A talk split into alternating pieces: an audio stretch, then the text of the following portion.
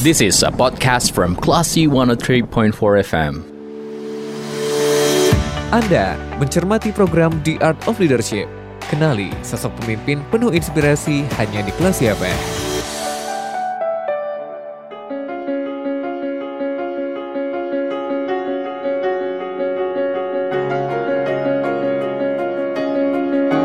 Dari Bumi Karang Putih Darung Padang, Pain for Kelas FM, this is the actual radio. Assalamualaikum, apa kabar Kelas People? Semoga selalu dalam keadaan yang terbaik. Saya Lia Priyanka, Anda sedang mencermati program The Art of Leadership. Nah, seperti biasa program ini kami hadirkan untuk Anda dengan harapan bisa memberikan inspirasi, bisa memberikan motivasi dari cerita saya dengan narasumber yang sudah hadir bersama saya di program The Art of Leadership. Dan kali ini senang sekali saya sudah bersama dengan Ketua Yayasan Askia Provinsi Sumatera Barat. Beliau adalah Bapak Dr. Andes Muhardanus Datu Sampono Kayo. Assalamualaikum Pak Muhardanus. Waalaikumsalam warahmatullahi wabarakatuh. Gimana kabarnya Pak? Alhamdulillah baik-baik. Alhamdulillah. Terima kasih nih Pak kita udah bisa uh, ketemu Bapak dan ngobrol tentang seni memimpin di program The Art of Leadership. Ya, Oke, sebelum kita ke seni memimpin nih. Nah, saya mau tahu dulu bagaimana perjalanan karir Bapak di Yayasan Askia awal bergabungnya seperti apa sampai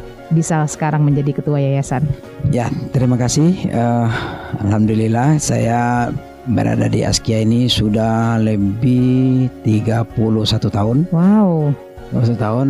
Saya awal saya, ber, saya bergabung Askia ini saya ini dulu bersama Pak Irwan itu eh, sal- udah saling kenal di masjid saya aktivis de- kampus beliau udah aktivis kampus lalu beliau datang ke Askia eh datang ke Padang membuat Askia dan saya juga ikut bergabung. Mulai bergabungnya saya Askia itu mulai tahun 88 saya masih kuliah tapi saya membantu-bantu aja dulu. Pas tahun 90 saya tamat dan 91 eh, saya diminta bergabung oleh Pak Irwan untuk berga di Askia. Alhamdulillah sampai sekarang saya eh, di Askia tetap tidak Jadi ke mana-mana posisi Bapak waktu itu? Ya kalau posisi waktu itu pas posisi gado-gado lah Iya, Kenapa? iya, iya. Kenapa saya bilang posisi gado-gado Belum ada posisi waktu itu kita kerja kerja bareng semuanya Ah. Kayak muka eh, Askia itu seperti kaki lima lah dulu Mhm. Istilahnya eh, kedai kaki seperti ibarat kedai ini kaki kaki lima. Kami buka tutup sekali semester satu satu tahun satu semester kami cuma bu- buka. Lalu kami posisi saya buka buka buka buka gedung, membersihkan juga, meng- mengatur keuangan juga, mengatur eh, guru juga, buat jadwal juga, buat kadang nah kadang-kadang buat apa men- menyusun paket juga macam-macam lah. Berarti merintis betul-betul dari awal ya Pak ya? Kalau bilang insya Allah ya saya merintis ikut merintis yang yang merintis awal itu Pak Irwan. Iya, betul, Tapi betul. setelah berjalan masa Pak Irwan sibuk saya melanjutkan gitu. Jadi ibaratnya uh, kepercayaan gitu. ah ya Oke. Ah, jadi guru juga Pak waktu itu? enggak enggak saya Oh, enggak. Awalnya dulu saya sebelum bergabung nggak sekian saya jadi guru coba guru honorer. Tapi setelah saya coba-coba guru honorer gajinya berapa nggak sanggup bisa ini untuk beristri nggak bisa ini saya bilang. oh ini kalau ini kita harus mengelola guru ah dah pas ada panggilan dan Pak Irwan me- mengajak gabung ya saya gabung di Askia gitu. Oke. Nah, kalau kita flashback lagi ke masa kecil Bapak, dulu cita-citanya apa Pak? Kalau cita-cita saya dulu eh, karena saya suka orang matematik, saya berpikir cocoknya saya mungkin orang arsitek atau orang eh, sipil atau teknik sipil atau pikiran saya orang menggambar lah. Tapi setelah perjalanan masa perubahan saya di SMA ya, ya istilahnya saya ada mengalami sakit tipus waktu SMA Mhm. Kul- apa saya di SMA itu masuk dia masuk 10 besar lah. Tapi setelah saya masuk ujian apa eh, ujian ujian EPTA waktu itu saya sakit masuk ke eh, September Maru juga sakit. Wah ini saya, saya ingin kalau sakit ini saya pilihan yang rendah-rendah aja. Akhirnya saya ambil tetap sipil saya ambil tapi saya nggak berhasil. Saya masuk UNP jadinya Oh. IKIP nama itu tuh IKIP ya, dunia pendidikan lah. pendidikan Oke. Bagaimana Bapak mengenang masa kecil Bapak, Pak? Wah, kalau masa kecil mas sangat ini. Kalau kalau saya sering juga bercerita sama kawan-kawan di uh, di baik baik kawan yang alumni. Sekarang kenapa Datuk bisa begini gitu? Saya bilang saya waktu kecil saya termasuk menempa diri sendiri ya. Mhm. Kalau saya bilang saya menempa diri sendiri saya. Saya kalau dianggap di kampung tuh saya mungkin dianggap orang kaya di orang kampung, tapi saya nggak pernah menganggap diri saya orang kaya. Karena di kampung saya itu di Paninjauan namanya di Parampanjang, Tanah Datar, saya orang waktu itu eh, belum ada heler, saya punya heler. Mhm, Orang belum punya mobil, saya udah punya mobil. mhm. Mobil walaupun untuk tambang untuk bawa nyebut oh, nyebut padi untuk heler, tapi saya salah satu yang punya. Ah, jadi yang orang orang kaya itu pasti kaya, karena orang punya langsung lah gitu kan. Tapi saya nggak, saya tetap eh, saya anggap saya itu adalah pekerjaan. Saya dilibatkan oleh orang tua saya bekerja di sana. Di, dan saya juga punya tanggung karena orang tua saya ini punya anak banyak. Ah, saya punya keluarga sembilan, eh, enam- sembilan orang satu ibu iya, dan ayah dan tambah dengan satu ayah 15 ya tanggung jawab saya besar. Jadi saya bilang udah ini saya kerjakan aja. Saya, saya- sampai saya punya LR itu tiga. Hmm, oke berkembang jadinya Ah, gitu ya Pak. ya. Tapi buktinya setelah eh, waktu di Heller itu saya juga kan di Padang Panjang tuh musim ya ada musim hujan itu. Kalau musim hujan saya kadang-kadang dengan kawan daripada kosong saya ajak teman-teman yuk kita pergi ke sawah yuk baronde Main ke bola. sawah. Baronde bukan Oh, bukan main baronde bola. kalau mau bola tetap ada juga waktu bermain tetap tapi saya lebih cenderung untuk mengisi waktu Ah, yang ngisi waktu dalam artian eh, saya ajak ke teman-teman tuh pergi ke sawah mau memborong sawah orang gitu kan ah. lalu dapat duit lah Oh jalan-jalan gitu. gitu Jadi sense of mencari uang itu Ah. udah ada gitu ya. intinya Pak, saya ya. saya ingin saya ngapain saya nanti saya kalau udah tua udah, eh, intinya saya udah udah ada eh, mindset yang pikiran saya saya nanti kan tua saya kan bekerja saya nanti kan kawin nih udah ada pikiran gitu dari kecil. dari kecil waktu SD SMP itu udah Jadi kepikiran. udah udah mature, udah dewasa juga pikirannya ya Pak ya. iya Apakah memang orang tua mendidik seperti itu atau bagaimana Pak? secara saya rasa orang tua saya mendidik itu tapi Aha. saya ikuti aja Ya, orang tua saya itu dia adalah memang tokoh masyarakat juga saya juga diajak bertemu dengan tokoh-tokoh bertemu dengan untuk usaha ini saya dilibatkan bahkan saya di SD aja udah dikasih tanggung jawab oleh orang tua saya itu kan orang tua saya mengansur bank tuh Oke. oh kan buat LR ini kan butuh investasi gitu. Ya. jadi ansuran bank tuh para saya itu dikasih eh, Tanggung ibu- jawab untuk Mem, mem, maksudnya, ini duit uh, silakan uh, ini uh, uang, uh, apa uh, resi uh, resi pembayaran kita di BRI tolong bayarkan. Para mau duit banyak saya tuh. tuh. hmm, Kalau diuangkan sekarang nih sekitar 2 atau 3 jutaan lah. itu umur berapa Pak? Ya umur-umur um, di SD kelas 4 kelas 5 umur berapa tuh? ya? Sekitar 10 Ah 11. 10 so- itu udah dikasih saya tanggung jawab itu. Wow. Ibu saya udah ngasih itu alhamdulillah. Berarti orang tua menerapkan sistem kepercayaan yang tinggi Kepercayaan, kepada anak-anaknya ya itu. ya. Ya. Oke.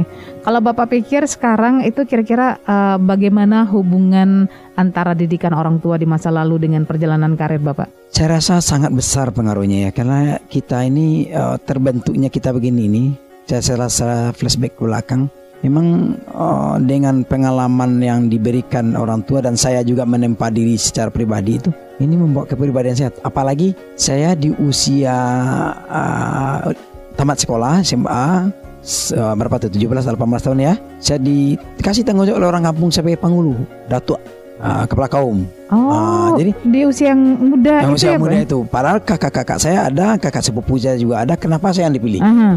Nah, saya bilang, Kalau kenapa udah ya? jadi datuk kan nggak sembarangan ya Pak ya? Sewaktu saya memegang jadi posisi jadi dato pengulu ini, wah saya punya tanggung jawab bukan uh, untuk keluarga saja, Iya betul. bukan diri sendiri, bukan keluarga saya. Ini kaum yang Betul. bahkan naik nagari, saya juga Iya. dilibatkan di rapat-rapat nagari kan. Mhm. Wah besar nih. Ya itu yang Bapak langsung menerima waktu itu.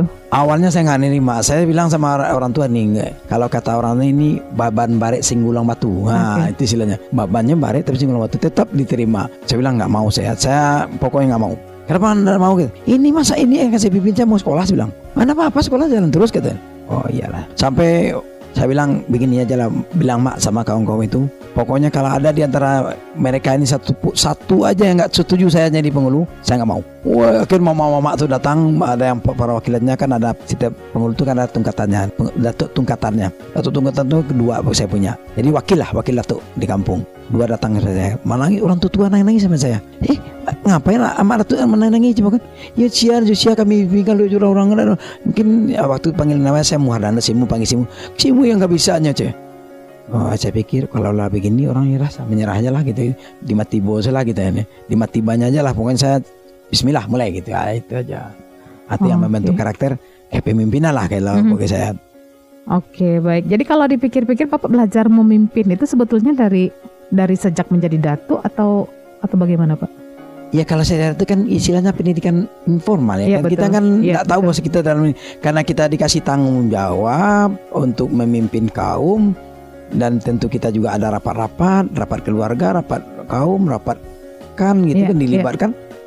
Otomatis kita juga Terbentuk di situ terbentuk itu ya. uh, apa uh, kepribadian Iya, sama iya. saya kan. Bahkan sewaktu saya masuk menjadi mahasiswa saya aktif juga di uh, di ano ada aktif di masjid, aktif di ikatan keluarga ke- kampung itu paninjauan itu dan saya sekretarisnya dia sibuk mengurus kampung sampai mahasiswa juga sibuk gitu kan. Ya udah saya ini terbentuk. Akhirnya orang-orang tua yang yang ada itu kan ada juga pejabat-pejabat eh, orang kampung saya biasanya ada danrem, ada ekorem itu, itu, itu. ada yang kepala dinas di provinsi, ada yang ini. Itu kan kita kumpulkan tuh. Dia kan sering mengasih-ngasih sih. Ah, di sana lah saya dapat ah, ini dapat ilmu kita ini. ya. Saya Hmm. datang, saya kunjungi gitu. Oke, baik. Hmm. Kita break dulu Pak Muhardanus. Boleh. Nanti kami akan kembali untuk Anda Classy People di program The Art of Leadership bersama dengan Ketua Yayasan Askia Provinsi Sumatera Barat ya Bapak Dr. Andes Muhardanus Datuk Sampono Kayo. Jangan ke mana-mana tetap di 103,4 Kelas FM.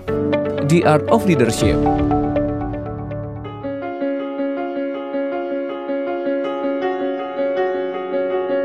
Status 3,4 kelas FM, This is the Actual Radio Classy People Masih di program The Art of Leadership Di hari ini kita bersama dengan Ketua Yayasan Askia Provinsi Sumatera Barat Beliau Dr. Andes Muhardanus Datuk Sampono Kayo Pak Muhardanus saya mau tahu dong Sebetulnya sebagai Ketua Yayasan itu tugasnya apa ya Pak? Wah, kalau ketua yayasan tentu memimpin kita. Hah? Kita memimpin daripada uh, seluruh personal yang ada yang ada baik itu dari TK sampai perguruan tinggi maupun uh, SDM-nya dan tentu juga memanage daripada semuanya itu baik manajemen SDM-nya, manajemen administrasinya, sarana prasarananya, Keuangan termasuk juga keuangan juga, Mhm. Iya, semuanya lah. Semuanya di bawah uh, pengawasan dari Ketua Yayasan Iya. Masuk program-program apa yang harus Termasuk dijalankan? program masalah mutu misalnya kurikulum saya waktu kita bicara tentang mutu saya bicara tentang mutu ya istilahnya mutu pendidikan kita tidak boleh berhenti kita dengan harus mengacu dengan apalagi dengan sekarang ini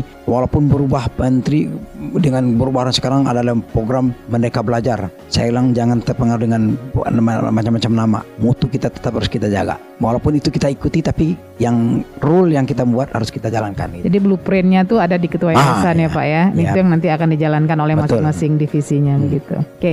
Nah sesuai dengan nama program kita nih Pak, The Art of Leadership. yes Menurut Bapak seni memimpin itu apa Pak? Wah, seni memimpin itu sebenarnya memimpin itu kan eh, seninya ya. Yang penting kita ini berbagi ya. Mhm. Intinya kalau memimpin itu intinya empowerment. Oke. Ya membagi tugas sesuai dengan what uh, manner please. Jadi mem- memposisikan orang pada posisi yang pas. Sesuai dengan kapasitas Ah, ah. masing-masing. jadi kita pun saya juga di di Askia sebelum saya angkat orang itu saya lihat hasil tesnya bagaimana, Mhm.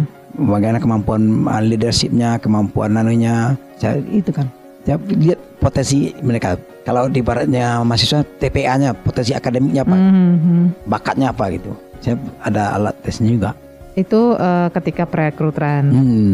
Oke. Jadi dilihat. Jadi, hmm, jadi seni saya untuk memimpin, ya yang penting kita buat mereka ikut bersama kita. Dia ikut merasakan tentang lembaga ini bukan milik saya, Oke. tapi mereka ikut merasakan lembaga dia punya. Mhm. Jadi mereka ikut merasakan tentang hidup senang bersama Askia. Itu. Oke baik. Jadi hubungan atasan dan bawahan kalau menurut Bapak seperti Wah saya apa? cari saya saya nggak nggak pernah merasakan saya ini lebih tinggi lebih hebat daripada mereka nggak pernah saya Mhm, rasakan. mhm. Saya tetap membawa dengan mereka mereka pergi jalan-jalan pergi kalau saya kadang saya ajak makan gitu kan. Oke baik. Saya duduk-duduk bareng gitu kan. Kan di masjid pun saya kalau imam pun saya nggak disuruh ya kalian aja imam. Ah, saya nggak mau imam.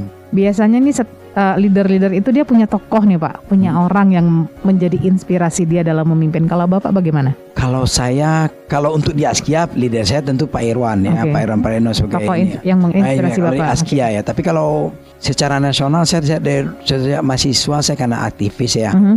Saya juga bertemu asal ada orang mengatakan ada tokoh datang saya temui. Ada kesempatan saya untuk bertemu saya temui.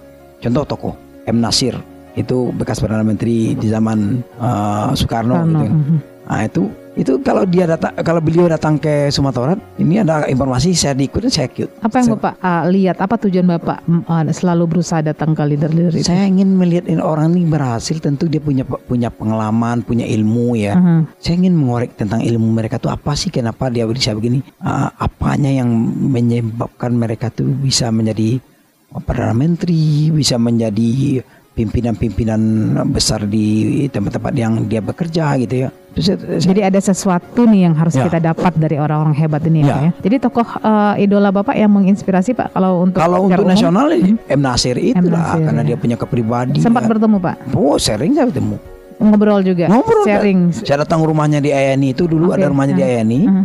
sama anaknya di Ayani sekarang udah dijual ya saya datang ke sana Apa apa pelajaran penting yang Bapak ambil dari M Nasir? Pokoknya kita sebagai anak bangsa harus punya kontribusi terhadap bangsa. Apa kontribusi Anda yang harus Anda buat?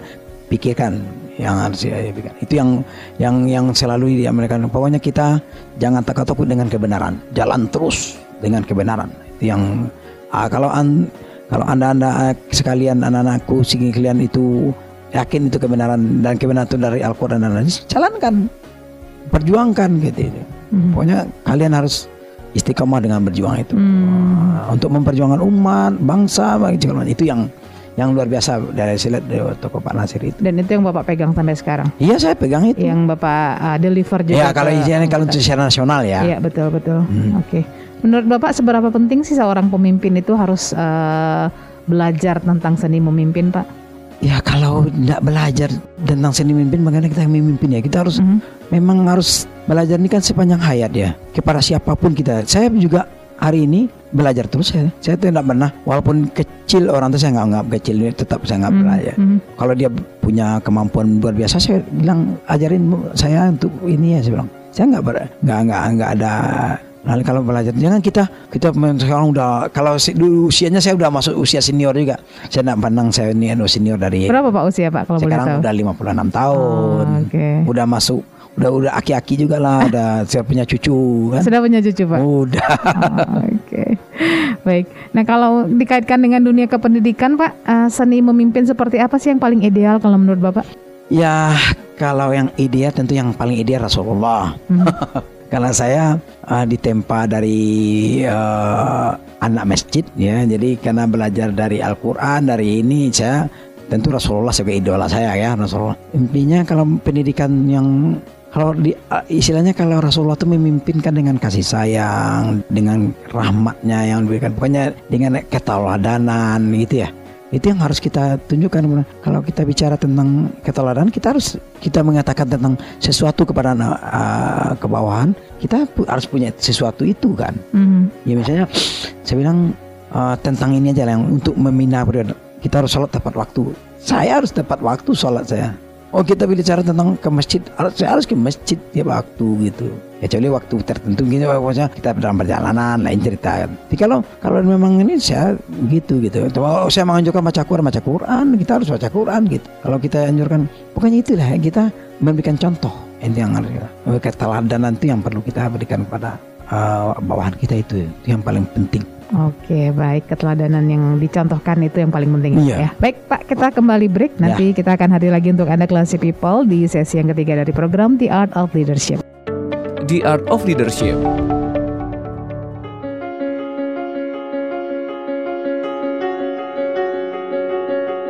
Empat kelas FM, this is the actual radio Classy People masih di program The Art of Leadership bersama dengan Ketua Yayasan Askia Provinsi Sumatera Barat, Dr. Andes Muhardanus Datu Sampono Kayu. Untuk Anda yang mungkin eh, tidak mencermati program ini sedari awal, silahkan untuk mencermati eh, kami melalui podcast ya. Jadi bisa dicermati sesi 1 ataupun sesi 2 yang Anda lewatkan barusan. Silahkan ke podcast bisa melalui www.klasifm.co.id atau bisa cek di aplikasi kami Klasi FM. Anda bisa download terlebih dahulu di App Store ataupun di Play Store Klasi People. Jadi semua program Klasi FM yang mungkin sempat terlewatkan oleh Anda bisa Anda cermati melalui podcastnya. Baik, kita kembali ke uh, The Art of Leadership nih bersama dengan Bapak Muhardanus ya. Kalau menurut Bapak kualifikasi utama apa sih yang harus dimiliki seorang pemimpin agar dia sukses menjadi pemimpin? Kualifikasi yang harus dia miliki pertama kepribadian. Kepribadiannya seperti apa Pak? kepribadian yang tangguh kepribadian yang punya punya prinsip punya eh, kemampuan komunikasi yang bagus memiliki wawasan tentunya tentu wawasan belajar yang baik. Tentu juga kita juga eh, hubungan yang baik dengan orang komunikasi sosial juga bagus gitu ya ini harus kita miliki. Kalau enggak ini kita nggak berhasil. Saya melihat orang-orang yang berhasil di mana ya mana saya saya mempelajari orang berhasil itu memiliki kecerdasan ya kecerdasan yang paling penting adalah kecerdasan intelektual itu nomor nomor sekian. Mungkin intelektual penting ya sebagai best best yang kita miliki. Tidak mungkin orang berhasil tidak punya intelektual tidak mungkin. Pasti punya. Tapi jangan top andalkan itu. Kita harus punya kecerdasan emosional. Emosional itu ditempa dengan dengan beragama lah gitu ya. Karena itu kecerdasan sosial yang nggak nggak pentingnya. Kecerdasan sosial itulah yang menyebabkan orang itu berhasil. Jadi kepribadian ya syaratnya setelah itu Ya, eh, punya kecerdasan intelektual, kecerdasan intelektual, kecerdasan emosional, dan kecerdasan kecerdasan emosional, dan kecerdasan so- eh, sosial. kecerdasan sosial. Mm-mm. Ini Bapak rangkum sendiri melalui pengalaman Bapak atau ada mentor yang mengajarkan seperti itu atau bagaimana Pak? Awalnya saya dari pengalaman, Oke. setelah saya pelajari dan saya ini saya ikut pelatihan eh, di ada di Snaker mengadakan ada pelatihan pelatihan short, short course itu. Berarti iya ya, berarti saya tinggal memadukan aja berarti. Ha. Berarti saya otomatis sudah terpadukan ya. Akhirnya saya tata kembali. Ya oke berarti saya harus aktif. Eh, Kalau intelektual itu bawakan bawa Iya. pribadi ya orang tua ya. Kalau kecerdasan emosional, saya harus tempat terus belajar dengan ustadz dengan itu. Sampai sekarang tetap belajar dan juga kita aplikasikan. Kalau kemudian sosial kita harus aktif di mana-mana ya di di masyarakat di tingkat RT di masjid. Saya ketua juga ketua masjid di kampung saya juga. Kalau rapatkan saya juga dilibatkan rapat ini ya, kalau ada alumni saya juga ketua alumni gitu kan. Ah, alumni di UNP alumni oh, para ah, SMP SMA saya juga terlibat bahkan saya ketua gitu kan saya libatkan diri itu pokoknya saya cemplungkan diri saya ke sana sana gitu ya saya otomatis saya belajar dengan orang dengan semua segmen di semua level gitu. Kan Nah, itu yang yang saya Seperti miliki ini aktif sekali Bapak ya Pak ya. aktif saya karena apalagi ya, yang yang kalau tidak aktif kita ini ya ini prinsip dia. Saya lihat orang-orang berhasil itu jangan sewaktu kita bilang ah nggak lalu siapa sih lalu kita dulu di rumah saya nggak mau. Hmm. saya mau aktif dan kalau bergerak aktif pikiran kita gerak motor kita juga kita ke mana-mana pikiran kita kita sosial juga kita sering bercengkrama dan uh, mengeluarkan pemikiran kita pada orang lain. Itu akan kita senang dan kita enjoy gitu. Dan itu menempa diri kita sebagai seorang pemimpin gitu. Oke baik. Jadi kalau seorang pemimpin itu dikatakan berhasil, indikatornya menurut Pak Muhardanus apa nih? Ya, yang tiga yang, yang utama tiga tadi. Kecerdasan eh, intelektual berarti memiliki harus punya kecerdasan eh, emosional yang emosional termasuk dari ditempa dari religius tadi lah. Kecerdasan sosial tuh kalau ingin menjadi hebat dan memimpin itu yang harus dimiliki kalau itu tidak. Pemimpin yang berhasil itu itu sebetulnya seperti apa ya Pak? pemimpin yang berhasil itu ya apa yang kalau bagi saya ya apa yang saya ceritakan selalu dia Sesuai dengan target? Target, tar- bahkan target melebihi tercapai? Oke. bahkan melebihi target. Kalau saya selalu melebihi target. Saya, Alhamdulillah ya sampai sekarang ya. Saya waktu saya dikasih amanah waktu di Pak Irwan bimbingan belajar, kita cuma siswa satu eh, 100 orang siswa kita satu ini satu periode. Untuk periode selanjutnya saya, Pak Irwan tanya, "Pak Datuk, Datuk, berapa target? 300 saya bilang. Ongkot banyak mana? Tidak apa-apa bilang. Dalam pikiran saya 300, Mhm. realisasi saya bisa 500. Luar biasa ya Pak ya. Nah, itu yang saya lakukan. Jadi, jadi bimbel yang saya katakan tadi itu saya dulu di, eh, di awal ASKI ini di bimbel ya. Saya punya target lebih lah. Pokoknya dikasih target 5, saya bisa berasa 7. Jadi ketika seorang ber- eh, pemimpin itu tidak berhasil, sebetulnya faktor yang mana yang terlewatkan Pak? Ya berarti ada something wrong di sana. Ya sebenarnya kalau ada ada langkah yang tadi. Kalau bekerja itu kan kita punya perencanaan. Iya. Ikuti bu- buat perencanaan. Kalau kita udah punya perencanaan, ikuti langkah perencanaan kita. Yakini Mhm. perencanaan itu benar. Kalau anda belum yakin, konsultasikan sama orang pintar. Sama ini kira perencanaan saya benar nggak? Oke. Kalau udah benar dah, yakin jalankan. Konsisten menjalankannya. Yakin kita bahwasanya ini bisa dilakukan. Di perjalanan akan muncul itu masalah. Akan muncul itu problem baru. Problem baru itu selesaikan. Jangan biarkan masalah itu berlalu. Masalah hari ini selesaikan hari ini, jangan besok. besok muncul masalah baru lagi. Mhm. Nah, ini akan muncul masalah. Tidak baru. menunda itu Tidak boleh ya. menunda. Ah, itu. Kalau saya prinsip itu. Termasuk masalah keluarga pun saya nggak menunda. Bukan selesai. Termasuk masalah kaum juga selesai. Dah. Pokoknya saya sudah menyelesaikan. Terserah anda melanjutkannya. Kalau nanti ada muncul masalah, diulang lagi. Baru apa muncul? Oke baik. Nah kalau di eh, dunia pendidikan biasanya permasalahan utama yang sering ditemui seperti apa Pak? macam-macam kalau dia sih. Ya tetap masalah SDM kita. Kadang-kadang kita udah punya target begini ah, dalam perencanaan begini kita mencapai kita harus mencapai target harus tiga tiga juz anak ini tamatnya. Oke. Sewaktu kita mencapai tiga juz berarti anak enam tahun di Askia kita per, Dua per tingkat tahun. itu Mhm. per tingkat itu punya target kan. Kelas 1 berapa, kelas 2 berapa, kelas 3 berapa, sampai sampai ke sana berapa. Saya menekan kelas 6 kalau bisa jangan di- lagi target. Kita tinggal mengulang. Mengulang. Ah, mereview aja, merefresh dan mereview kita itu. Kadang-kadang di perjalanan itu kalau lupa kita tuh di kelas tiga itu udah harusnya sudah dua juz. Di kelas 3 udah dua juz atau tiga satu juz minimal. Yang kadang belum tercapai. Mhm. Waktu itu kita lihat nih apa masalahnya. Ini ya kadang-kadang nih kelalaian dari mereka tidak menjalankan tugas sesuai dengan waktunya segala macam. Ah, dan itu di SDM lah, kadang-kadang ada yang lelet, ada yang ya, itu yang harus kita ini kan. Kita harus memetakan mereka ini mana yang mereka yang bisa kerja cepat, bisa lam, ini yang kerja menengah lambat. Kita harus bisa klasifikasi. Jadi biasanya menyelesaikannya eh, setiap permasalahan itu bagaimana Pak? Oh saya itu eh, stepnya saya lihat ini ini masalahnya ini kalau dia lambat ini berarti kita coba lagi. Kita kasih pelatihan, kita kasih informasi, Anda lambat segala macam. Ini harus dipercepat bisa nak kasih target lagi kita tangani. Kalau besok memang tadi pelambatan sekali lagi terlambat kita ganti aja. Termasuk guru juga saya saya ganti. Mhm.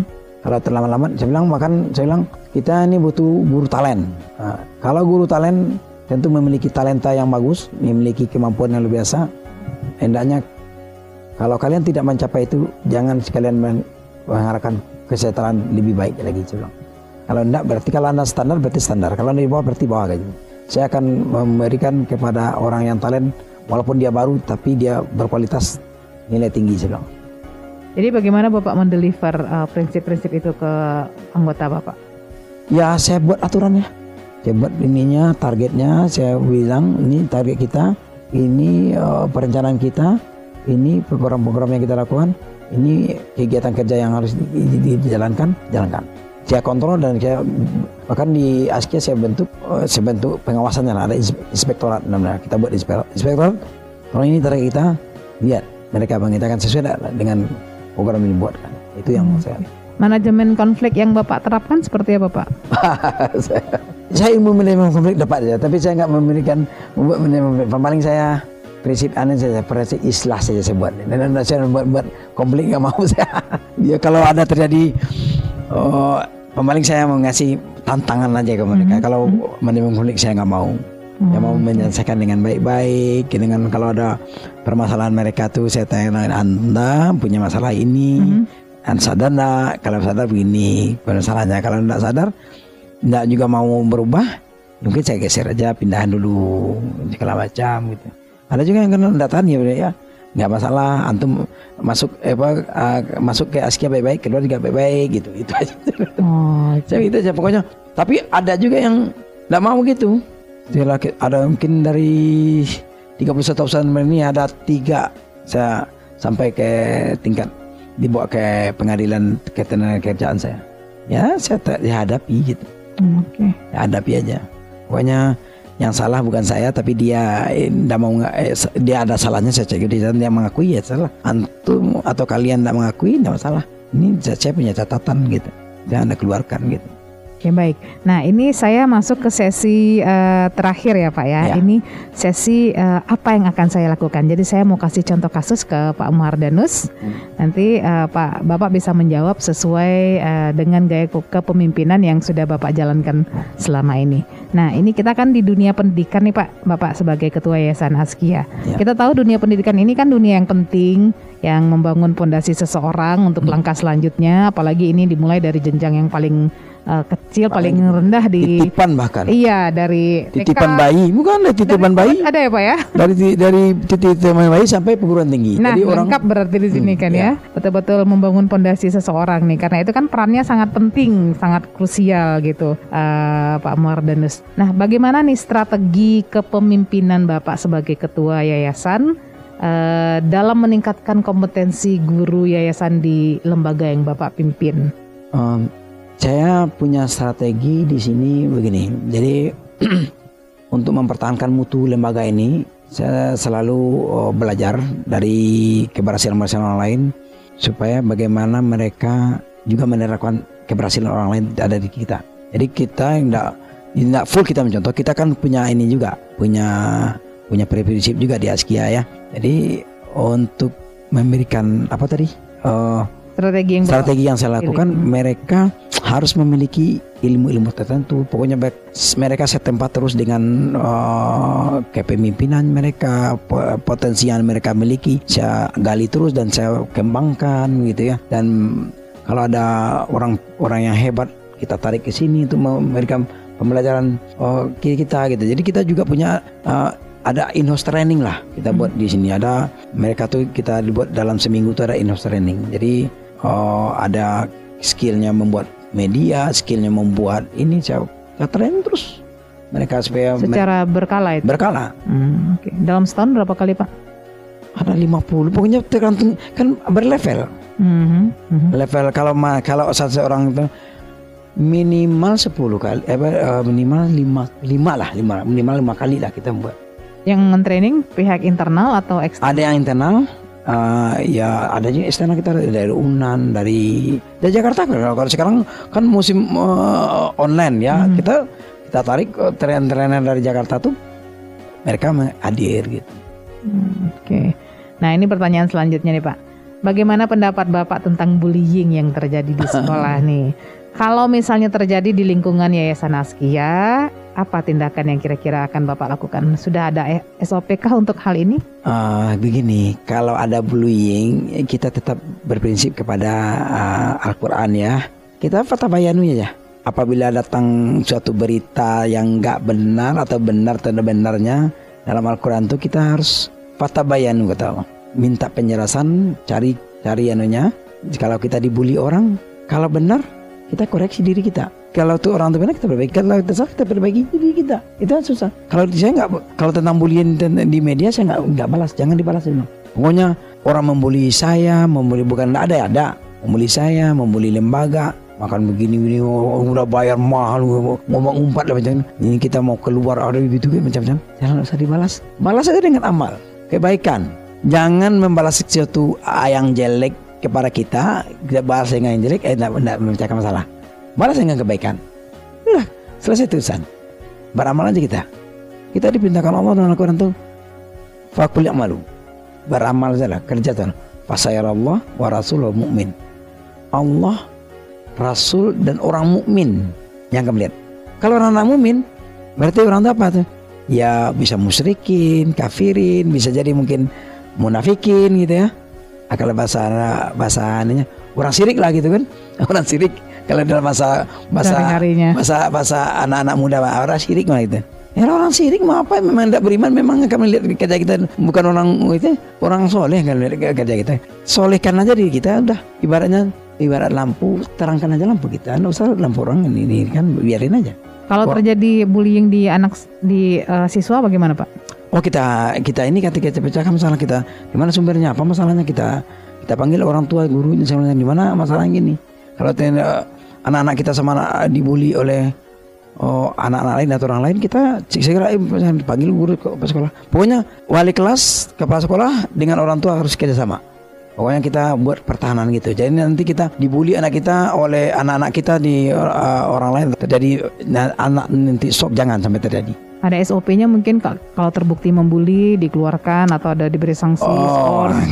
kita sih ada enggak, tapi sampai mengeluarkan enggak. Kita paling memberikan nasihat aja pada orang anak-anaknya. Tapi kalau ka- sampai tingkat berkelahi anak tuh sampai kalau seman kata-kata bisa kita tapi kalau sampai berkelahi satu kali kenanya dua kali udah masuk ke mana kita bisa Jadi, MOU kita dengan orang tuh udah ada Ada anak-anak ini memang ada untuk anak-anak di luar di luar kuasa kita. Dia berkelahi di kelas dan masa pengetahuan kita. Udah banyak-banyak aja kita tahu. Udah banyak-banyak aja kita Jadi tahu. penyelesaiannya seperti apa Pak? Kita panggil orang tua, Mhm. panggil anaknya. Eh, mau selesaikan kalau enggak ya kita keluarkan. Kedua-duanya kita keluarkan. Daripada masalah. Ada yang ada yang pernah kita keluarkan. Hmm, Pernah kita keluarkan. Nah, ya tapi yang udah tingkatnya adalah tingkat Berarti ada- memang tindakan tegas diperlukan di Ya, sini. ya, ya? kalau kalau udah tingkat tingkatnya udah hampir kriminal lah gitu kan. Nah, kalau dibiarkan bahkan Berarti terjadi pernah ya, terjadi ya Pak ya? pernah. Oke baik. Yo, sebanyak ini orang kenapa Betul. Wajar terjadi. Oke baik. Pak Muhardanes terima kasih banyak untuk obrolannya mengenai seni kepemimpinan di program Kelas FM The Art of Leadership. Semoga bisa jadi pembelajaran, jadi inspirasi, jadi motivasi buat kita semua yang mendengarkan obrolan saya dengan Bapak sadari tadi. Dan terima kasih banyak untuk waktu Bapak untuk Kelas FM. Terima kasih alhamdulillah eh, kepada KLCM semoga tetap berjaya dengan programnya dan selalu diminati oleh pemirsa dan pendengar sehingga menjadi radio yang terbaik di Sumatera Insya Allah. Amin. Baik, Classy People demikian obrolan saya dengan Bapak Muhardanus uh, Dato Sampono Kayo. Beliau adalah Ketua Yayasan Askia Provinsi Sumatera Barat dalam program The Art of Leadership. Terima kasih untuk antusias dengar Anda. Saya Lia Priyanka harus pamit. Assalamualaikum and then see you. Terima kasih. Anda baru saja mencermati The Art of Leadership. Sampai jumpa lagi di Kamis depan.